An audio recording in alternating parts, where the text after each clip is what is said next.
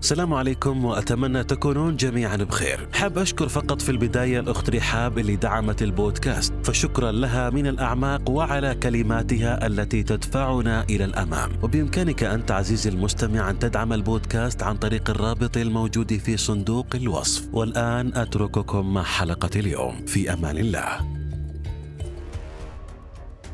قصة محيرة حيث تتقاطع الحقيقة والأسرار. من حياة هادئة إلى نهاية غامضة. ترى ما الذي حدث لكايلين؟ هل كان مصيرها حادثا مأساويا؟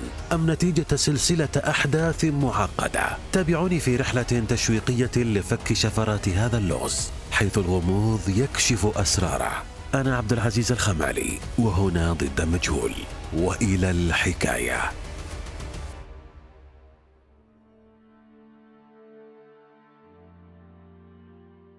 في ظلال جبال ولاية يوتا الشاهقة ولدت كايلين لودر عام 1984 مع توأمها كولتون لأبوين محبين جيسي وسوزان نشأت في بيئة تتسم بالدفء والمحبة حيث كانت شخصية كايلين تتألق بين أقرانها لطيفة محبة ومتفاعلة بروح مرحة. كانت تستطيع بسهولة ربط صداقات مع الجميع طموحة للغاية وذات روح خيرية. كانت كايلين تجد سعادتها في مساعدة الآخرين. محبتها للحيوانات كانت ملموسة خاصة الكلاب وكانت أيضا فارسة خيل ماهرة وذلك في أوقات فراغها وكانت تنغمس في قراءة الكتب وتغوص في عوالمها الخيالية. تعليمها كان رحلة مثيرة. بدأت في مدرسة لهاي الثانوية في يوتا ثم تابعت دراستها في جامعة ولاية يوتا حيث تخرجت في عام 2006 وذلك بتخصص علم الاجتماع. سعت كايلين لتحقيق أحلامها ووجدت نفسها في مهنة كمرشدة اجتماعية وكذلك كجليسة للحيوانات الأليفة تقدم الرعاية والحب للحيوانات عند غياب أصحابها. حياتها كانت مستقرة وسعيدة ومليئة بالنجاحات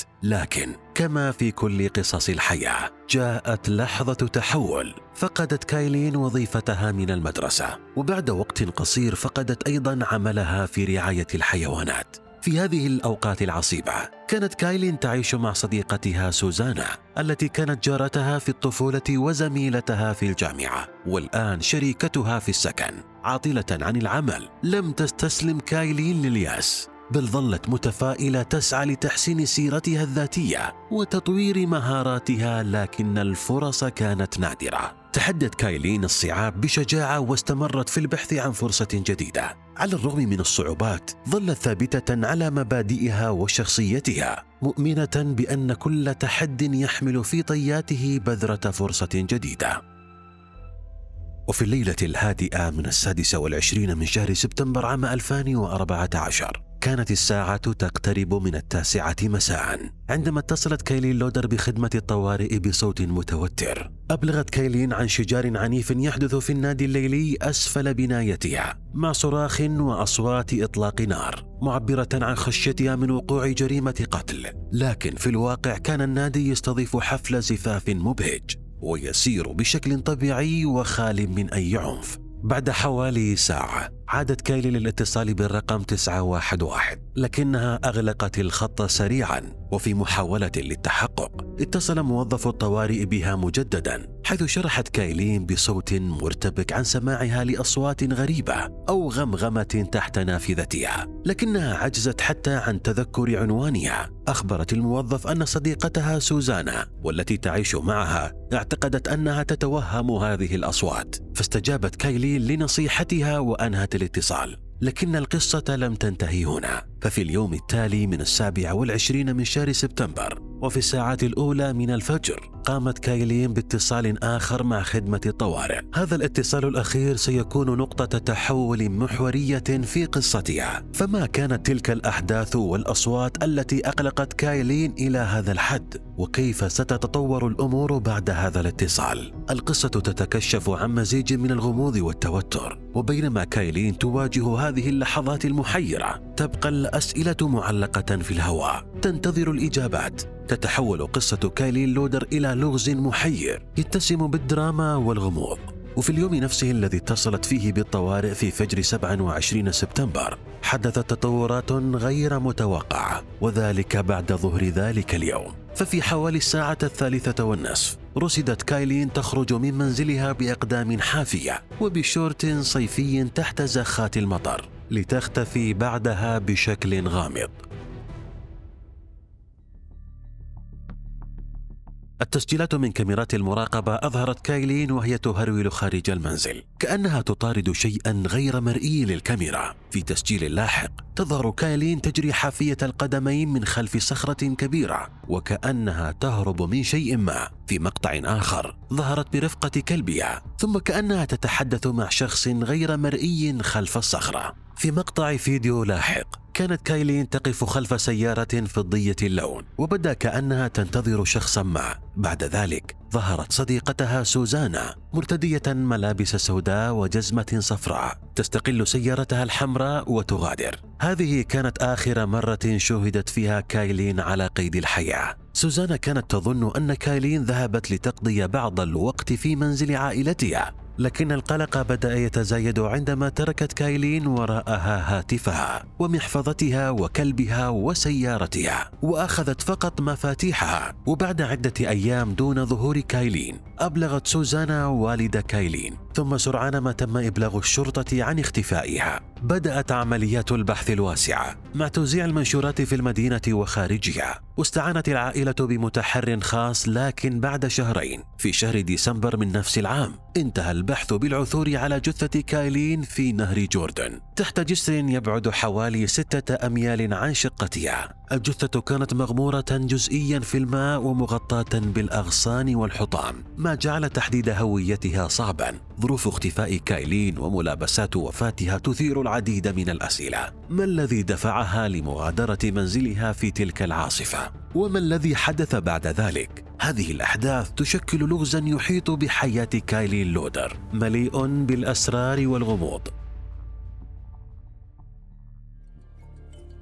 تتكشف قصة كايلين لودر كفصول درامية متشابكة مليئة بالمآسي والغموض. الجهود التي بذلتها عائلة لودر لجعل قضية ابنتهم محط أنظار العامة. اصطدمت بعائق غير متوقع عندما نشر صحفي قصة مأساوية أخرى من تاريخ العائلة وهي حادثة وقعت في عام 2009 تقول القصة أنه في السابع والعشرين من شهر فبراير عام 2009 شهدت العائلة حادثة مروعة. حيث قام كولتون لودر شقيق كايلين التوأم بقتل عمه جيفري وذلك في ظروف مأساوية. وتحت تأثير المخدرات انتهى شجار بين الاثنين بمقتل جيفري برصاص كولتون. كانت كايلين أبرز الداعمين لأخيها خلال تلك الفترة. حتى أنها تولت الدفاع عنه أمام المحلفين. هذه الأحداث المؤلمة كانت قد تركت اثرا عميقا في نفسية كايلين، وذلك قبل اختفائها، لأنها عانت من ضغوط نفسية بسبب فقدان وظيفتها وصعوبة العثور على عمل آخر. يعتقد أن هذه الضغوط تسببت في تفاقم حالتها النفسية، ما قد يكون أدى إلى ظهور أعراض الذهان حيث بدأت تعاني من هلوسات وأوهام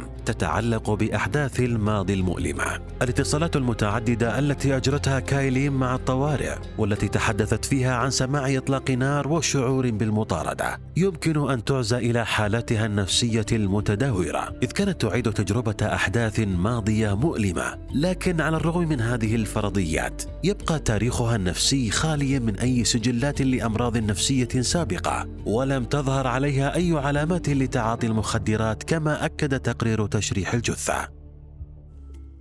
قضية كايلي لودر تعكس الصورة القاتمة للضغوط النفسية والأحداث المأساوية وكيف يمكن أن تؤثر على الصحة العقلية للأفراد. قصتها تحولت إلى رمز للألم النفسي والمعاناة الإنسانية، وظلت تفاصيل اختفائها وموتها محاطة بالغموض، تركة وراءها أسئلة لا تزال بلا إجابات واضحة. تتكشف قضية كايلي لودر كلغز معقد حيث ترتبط الأحداث والأدلة ببعضها البعض بطرق تحتمل تفسيرات مختلفة. الربط بين المكالمات التي أجرتها كايلي مع الطوارئ ومقاطع الفيديو المسجلة لها وذلك قبل اختفائها يكشف عن تسلسل محير للأحداث ويترك الباب مفتوحا لعدة احتمالات.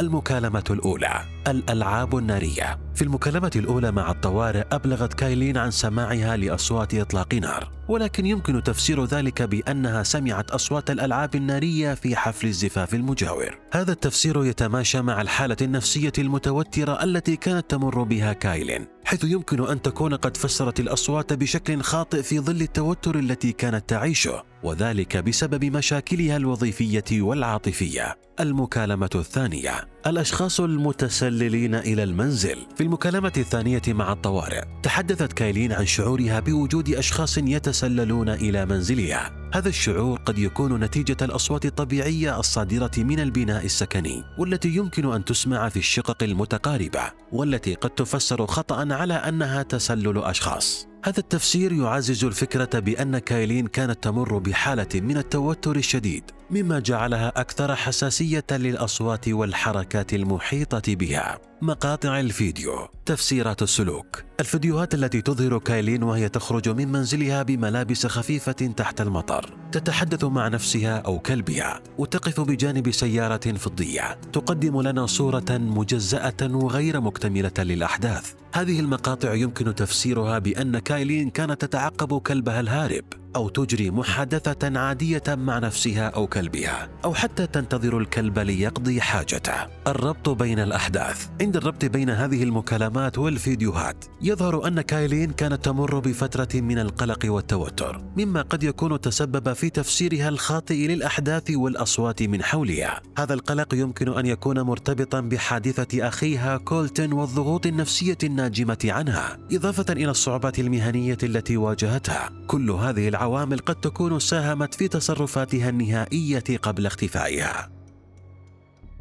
قضية كايلي لودر بكل تعقيداتها وألغازها تتحول إلى ملحمة محيرة تحتمل العديد من النظريات والتفسيرات، كيف ولماذا وجدت كايلين ميتة؟ نظرية السقوط فكرة أن كايلين قد سقطت عرضا في الساقية تبدو غير معقولة لعدة أسباب.